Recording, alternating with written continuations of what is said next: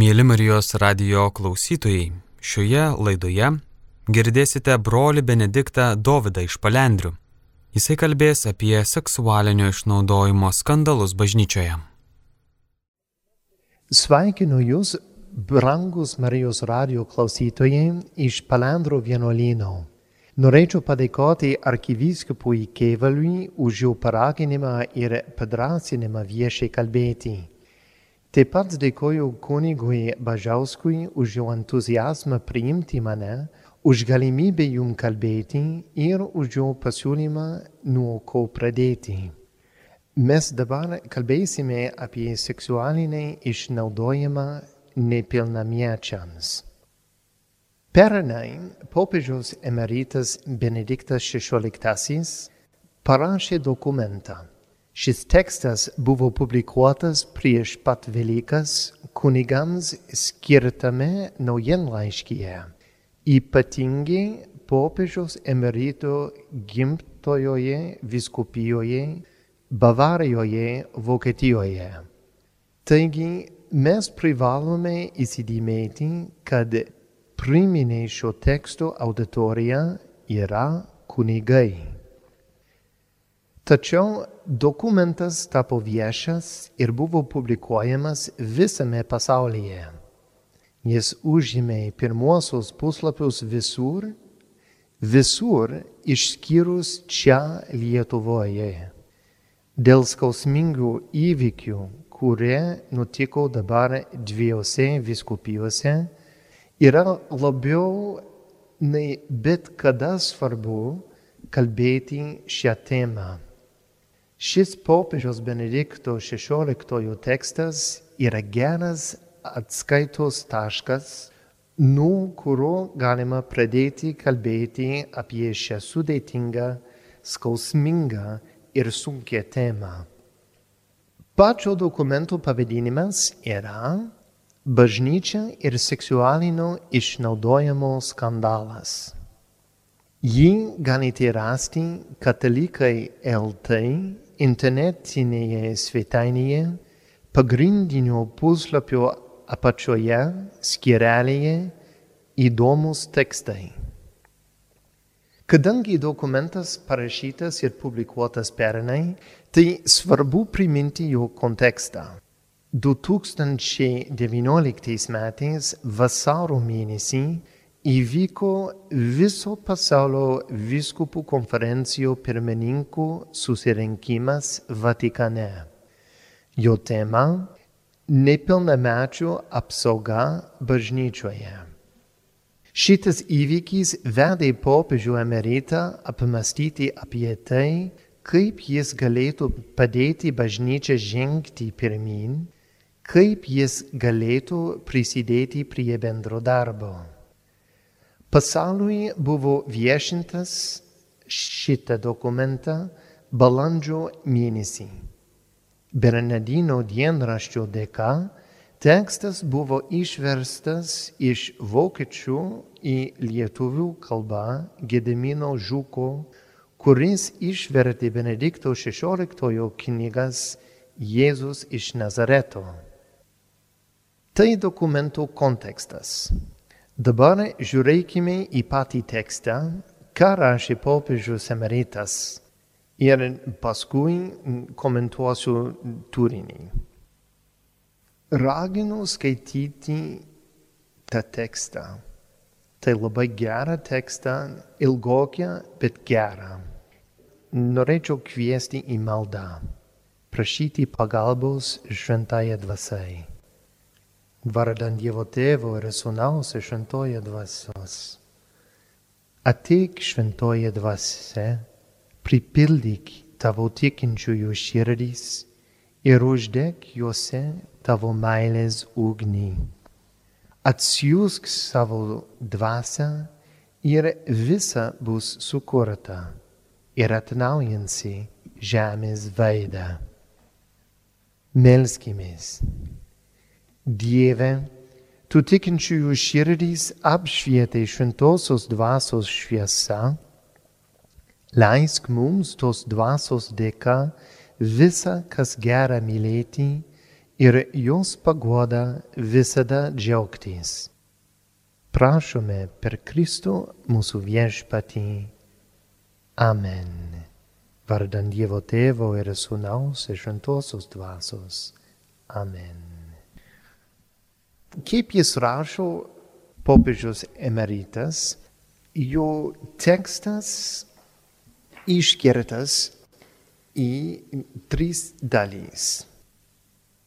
Panašiai kaip jau knygos, šitas tekstas parašytas labai paprasta kalba, labai lengvai skaityti ir suprasti. Jis geras profesorius ir tai matoma skaitant tekstą. Ir kaip sakiau, tai organizuotas į tris dalys. Pirmas - istorinis kontekstas, tai yra skandalo istorinis kontekstas. Antras - šio konteksto įtaka kunigiškai formacijai. O trečias - perspektyviai padėti bažnyčiai žengti pirmin. Dabar paskaitysiu pirmą pastraipą iš teksto, nes tai labai gerą duoda tą atmosferą, apie ką mes kalbam ir kodėl šitą kultūrinį kontekstas yra taip svarbu. Problematiškas laikotarpis buvo 7 ir 80 metį. Dalykas prasideda su lyg valstybės palieptų bei palaikomų vaikų ir jaunimo įvadinių supažindinimu su lytiškumu esmė.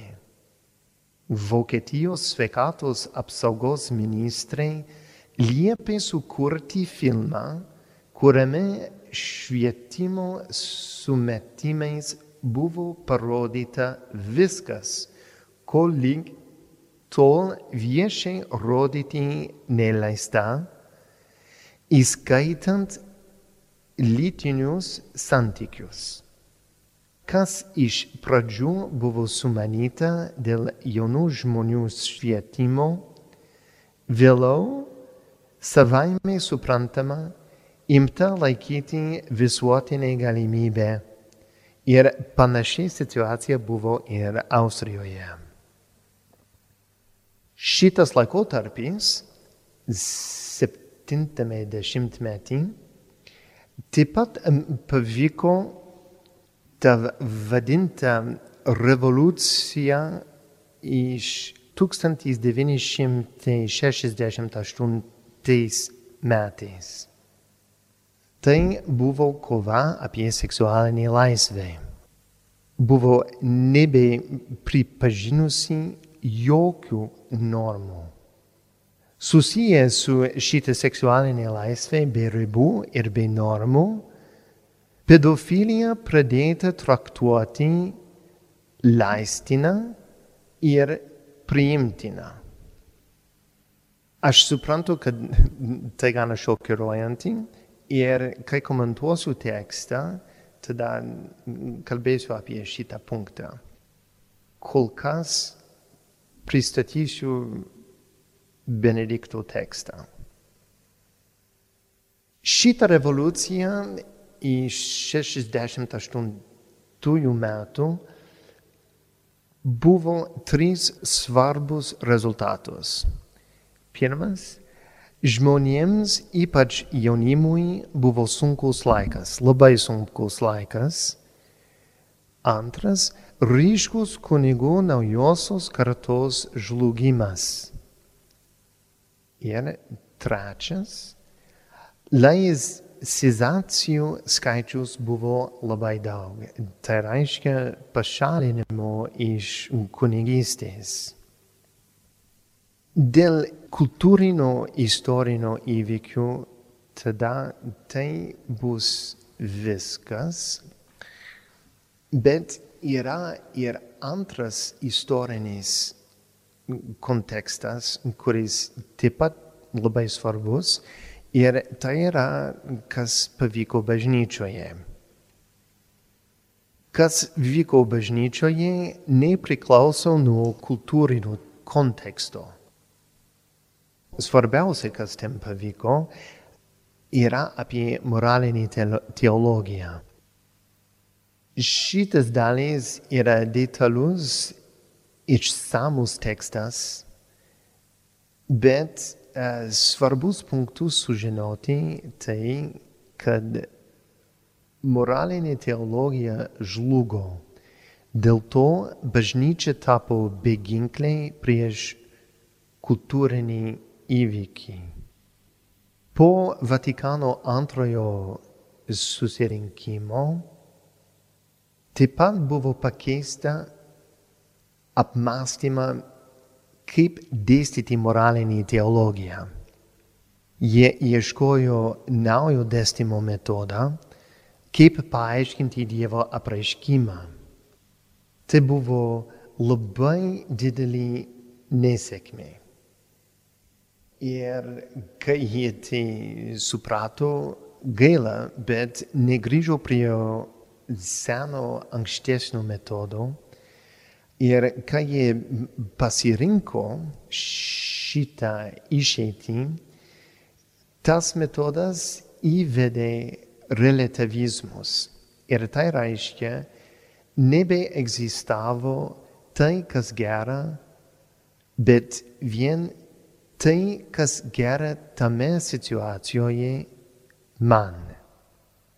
Popiežiaus Jonas Paulius II ieškojo taisyti šitą situaciją, kai rašė encikliką Veritatis Splendor Ir tai buvo publikuota rūpiučio mėnesį 1993 metais.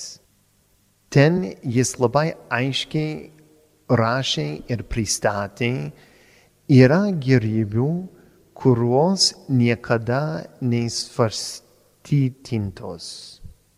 Reiškia, yra geras, yra tikrai blogis. O daugeliam teologams tai nepatiko. Kilo problema apie galutinę kompetenciją moralinių klausimų.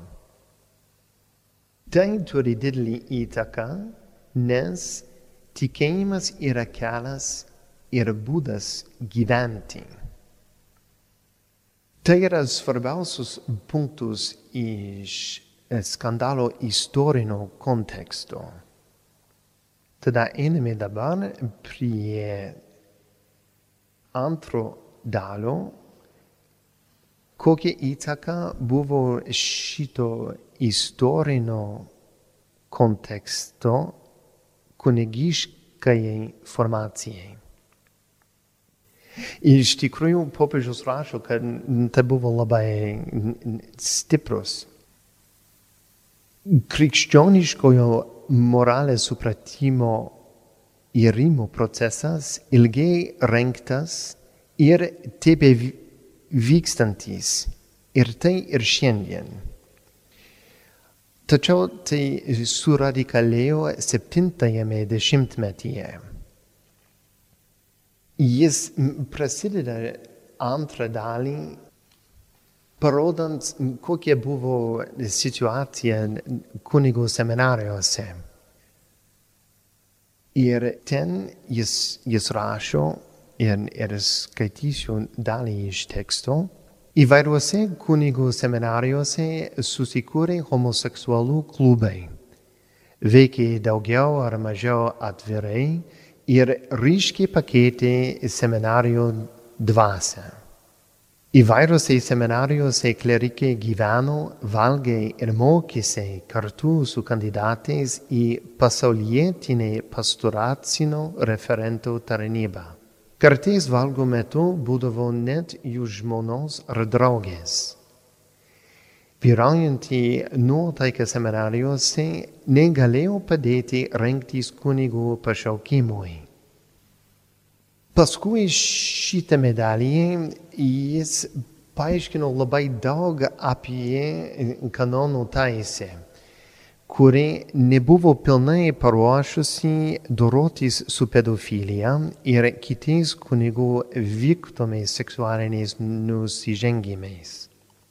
Taip pat jis paaiškino, kodėl tai buvo ir kaip jis kartu su popiežiumi Jonu Paulumi ieškojo taisyti tą situaciją. Visų tų problemų tai sukelia ir autoritetų problemą. Ir skaitysiu dar mažą citatą. Po Vatikano antrojo susirinkimo taip pat buvo pakeisti viskupų rinkimo bei paskirimo kriterijai. Viskupų santykis su savo seminarijomis irgi labai skiriasi. Vienas vyskupas, anksčiau vadovavęs seminarijai, nurodė demonstruoti seminaristams pornografinius filmus, taip neva ketindamas ugdyti jų atsparumą tikėjimui priešingam elgesiui. Visą tai tikrai kilė autoriteto problematika. Ir jis baigo šitą antrą dalį, kalbant apie vieną vietą, kuri labai situojama šių laikų iš Morkaus Evangelijos. Ir skaitysiu vėl, ką jis rašo. Čia leiskite padaryti nedidelį nukrypimą. Regint pedofilinių nusižengimų mastą, atmintyje vėl iškyla Jėzos žodžiai. Ir citata iš Markos Evangelijos. Kas papiktintų vieną iš šitų tikinčiųjų mažutėlių, tam būtų daug geriau, jeigu jam užkabintų ant kaklo asilo sukamų girnų akmenį ir įmestų į jūrą. Šioje ištaroje pirminiai jos prasme kalbama ne apie seksualinį vaiko suvedžiojimą. Žodžiu mažutėliai Jėzus kalboje žymimi paprasti tikintieji, kurį tikėjimą gali sugriauti protingais save laikančiųjų intelektualinė puikybė. Tada Benediktui problema pagrindinė yra apie tikėjimą. Ir savo tekste jis dar daug rašo parodytant, kodėl jis tai sako ir kodėl jis mano tai yra. Trečias dalis Tai yra jo perspektyvai padėti bažnyčiai žengti pirmin. O ten jis duoda tris pagrindinius elementus. Jeigu ne vieną dalį iš šito teksto skaitysit, tikrai reikėtų skaityti šitą trečią dalį. Tai yra labai gražiai Ir jis labai gerai parodyti, kad mes galime dar turėti viltį. Ir turėtume turėti viltį. Dievas yra geras ir Dievas vyksta pas mus dar šiandien mūsų laikais. O jo tris pagrindinius elementus jis rašė, tai pirmas grįžti į tikėjimą. Grįžti į tikėjimą ir priimti Dievas kaip kurėjas. Antras, Dievas dėl mūsų tapo žmogumi. Jėzus atėjo, jis buvo Dievas, jis mum paliko, bet davė mum savo kūną ir kraują. Ir tai mes turime mišo metu švenčiame Eucharistiją. Ir trečias - bažnyčios slėpinys. Jis rašo labai gerai ir teisingai, kad velnas ieško sugriauti bažnyčią. Sugriauti bažnyčią ir atitraukti mus nuo Dievo. Ir baigsiu pristatyti jo tekstą su paskutinė citata, skaitysiu. Labai svarbu velnių melams ir pusiau tiesoms prieš, priešinti visą tiesą. Taip, bažnyčioje egzistuoja nuodėmė ir blogis. Tačiau ir šiandien egzistuoja šventa bažnyčia, kuri nesugraunama. Ir šiandien egzistuoja daug pamaldžiai tikinčių, kenčiančių ir mylinčių žmonių, kuriuose mums pasirodo tikrasis Dievas, mylintis Dievas. Dievas ir šiandien pasaulyje turi savo liudytojų. Va, tai buvo labai svarbu pristatyti truputį iš teksto, kad komentaras turėtų prasme. Po publikavimo labai daug žmonių iš spaudos visur pasaulyje stipriai kritikavo Benediktas XVI. Labai stipriai ir aš sakyčiau, tai dėl to, kad ji neskaito tekstą. Ir aš tai sakau, nes popiežiaus emeritas pradėjo savo tekstą kalbant apie seksualinę revoliuciją 1968 metais. Jis paaiškino, kodėl tai žala darė ir tai pakeitė visuomenės papročių.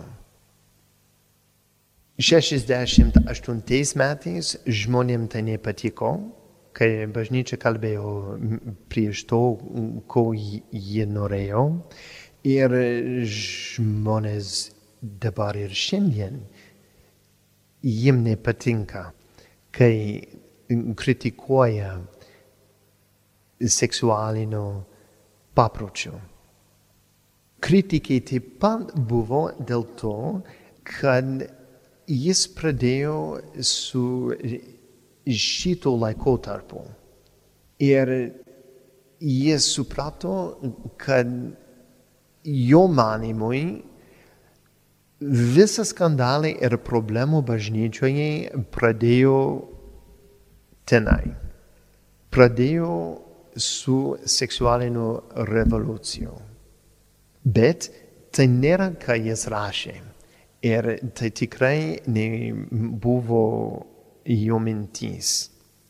Tai svarbu prisiminti, kad naudojant tekstą kalbame ne apie pirmąjį atvejį istorijoje, kai kunigas padarė seksualinį nusikaltimą, ir ne apie tai, kaip apskritai Dievo taranas gali šitaip siaubingai nusikalsti.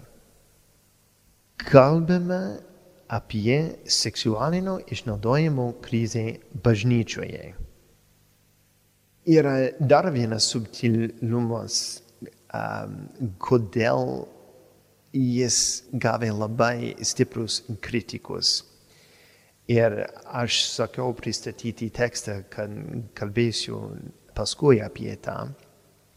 Ir tai yra šitas posakis, kad pedofilija buvo normalizuota. Iš tikrųjų, prieš tai, kad šitas tekstas išėjo, kalbant su vienu draugu, jis ir tokį pat man sakė.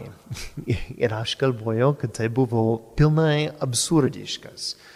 Kaip tai gali būti, kad istorijoje pedofilija buvo laikomas kaip geras, tai negalima. Ir Jis sakė, kad buvo politinė partija, kuri bandė tą įvesti. Tai nepavyko, bet jie bandė. Ir kai mes baigėme kalbėti, aš pradėjau ieškoti, patikrinti faktus. Ir iš tikrųjų, tai tikrai yra tiesa.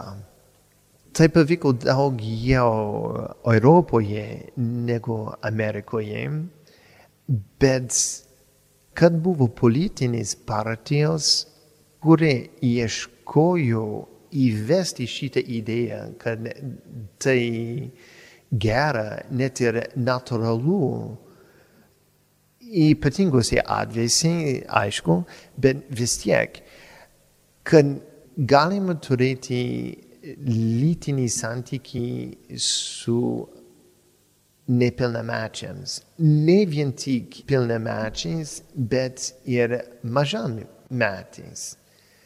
Tai pilnai absurdiškas.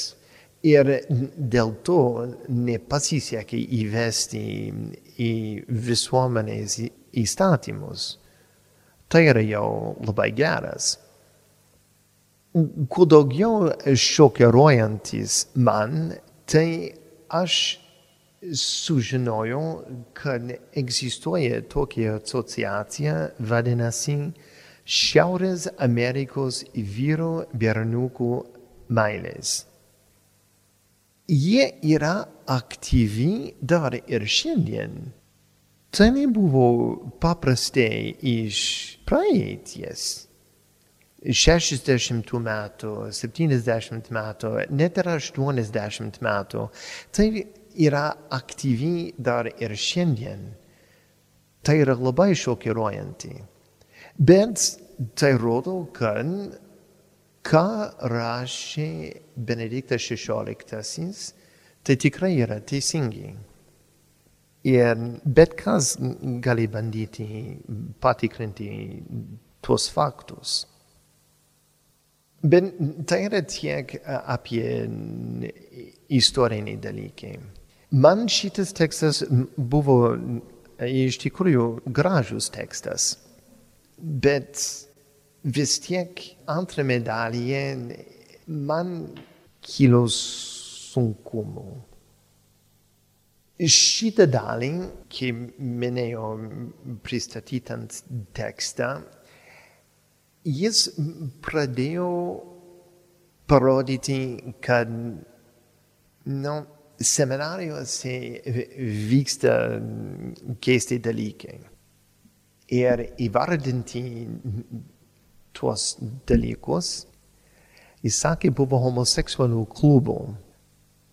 Ir tai yra taip pat dar vienas elementas, kodėl labai daug žmonių kritikavo Benediktą. Kaip tekstas yra parašytas, tai gali atrodyti, kad uh, jis bando parodyti, kad išnaudojimų krizė bažnyčioje, kad šaltinis šito tai yra iš homoseksualumo. O reikia labai aiškiai sakyti du dalykus. Pirmas, jis taip nerašo, jis tikrai taip nerašo, o antras, tai paprastai netiesa ir neteisingai. Būti homoseksualus, būti gėjus, tai nereiškia, kad yra pavojus norėti ir išnaudoti vaikus. Tai yra neteisingai. Yra nemažai žmonių, kurie nelabai priimta šitą. Ir tai dėl to, kad daugiausia atveju tai buvo kunigai išnaudoja bernukus ar paauglius. Ta prasme, bernukai. Nebuvo merginas. O jiems tai reiškia, kad yra homoseksualinių problema. Bet ne. Nagrinėti šitą faktą, tai iš tikrųjų yra kita tema. Tai būtų gera idėja daugiau kalbėti apie tą, bet galime sakyti taip pat ir mūsų kontekste palikti į tą, yra nemažai skirtingi ekspertai, jie sako aiškiai, seksualinė orientacija nėra lemiamas seksualinio išnaudojimo veiksnys. Tai labai svarbu aiškiai sakyti, išnaudojamas ar tai seksualiniai arba kitaip, išnaudojamas tai yra apie jėgą. Tai yra apie tą faktą, aš galiu tave kontroliuoti. Seksualinė orientacija neturi įtaką. Ir tai yra psichologiniai ekspertai, kurie tai sako. Dar kas gali būti sunku šitame antrame dalyje, tai yra, kai jis rašo apie tikėjimą, naudojant tą citatą iš Markos Evangeliją, neskrausti nei vieno mažytelio. Yra jau daug metų visada, kai kalbama apie šitą temą, arba tai bažnyčia dabartinėje kontekste arba paprastai pasaulinėje kontekste. Žmonėm patinka naudoti šitas citatą. Ir Benediktas rodo, kad tai gali būti, bet reikia priminti, kad pirma prasme tai yra skrausti tikėjimą. Ir per visą dokumentą jis labai stipriai pabrėžia, kad yra tikėjimas, kuris kenčia. Tai teisingai. Bet vis tiek yra kažkas daugiau. Tai yra kas įvyko vaikam. Suaugusius žmogus lytiškai išnaudojo vaiką.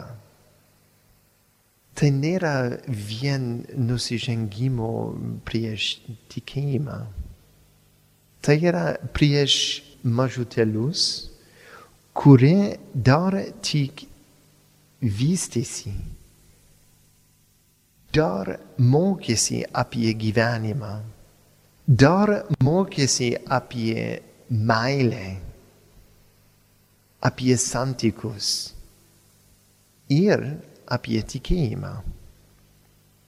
Nusikaltėlių kunigų žiaurumas sugrovė ne tik jų tikėjimo dovaną, bet ir gyvenimus, iškraipė jų draugystės, meilės saugumo suvokimą. Vaikai buvo sužeisti į pačią asmens širdį. Neatsižvelgimas į aukų tikrovę, rimtas apibraižos trūkumas, dėl kurio daugelis žmonių svarsto, ar bažnyčia visgi turi širdį. Šventoji motina bažnyčia tikrai turi širdį ir popiežius emeritas atskleidžia šiuos faktus trečioje teksto dalyje. Jis rodo, kaip galime grįžti į tikėjimą.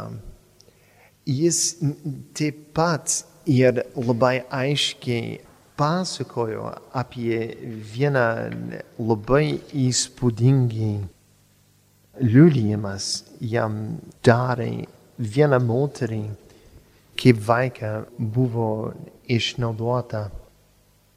Ir jis rašo, pokalbiuose su pedofilijos aukomis tokį poreikį suvokio vis ryškiau. Viena jauna moteris, patarnavusi prie altaros kaip ministrantė, man papasakojo, kad kapilionas jos kaip ministrantis viršininkas seksualinį piknaudžiavimą visada pradedavo žodžiais, tai yra mano kūnas, kuris už jūs atiduodamas. Tai suvokti, apie kas galėtų būti baisiau. Kad jis tai rašo, tai reiškia, kad jis suvokia apie visą žiaurumą, siaubumų, bjaurų dalykų, kuris buvo padaryta vaikams. Tai vien gaila, kad tai nėra stipriau parodyta tekste. Bet vis tiek jie ten yra. Tai būtų geriau, jeigu aiškiau. Benediktas XVI jis teisingai išvelgia, kad pagrindinė šio paplitusių žvėriškumo priežastys yra mūsų nesugebėjimas kolektyviai, taip pat ir asmeniškai, išlaikyti Dievą visako centre. Tai yra tikėjimo problema. Aš negaliu ginčytis su šiais popiežius emerito teiginiais. Tik norėčiau, kad daugiau dėmesio ir rūpeščių būtų teikiama nukentėjusiųjų tikrovė.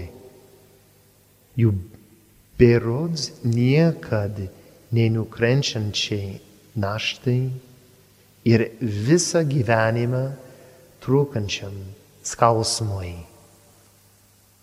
Man tai buvo malonu padalinti savo mintys su jumis. Šita tema yra labai svarbi, tai svarbi tęsti kalbėti apie tą. Sekantį kartą tai bus galima žiūrėti, kodėl aukoms yra taip sunku. Ta prasme, kodėl būti išnaudotas kaip vaikas praeina tiek daug metų prieš, kad drįsta kalbėti, drįsta net ieškoti pagalbos. Kalbant apie tą, tai taip pat bus galima, tikiuosi, suprasti, kodėl ir visuomeniai tai sunku kalbėti apie šią temą. Ačiū už jūsų dėmesį, ačiū už jūsų maldą. Mes čia palandrose meldžiamės už jūs. Garbė Dievui, Tėvui ir Sūnui ir šventai dvasiai, kaip buvo pradžioje, dabar ir visada ir per amžius. Amen. Mėly Marijos radio klausytojai, šioje laidoje kalbėjo brolis Benediktinas Dovydas iš Palendrių.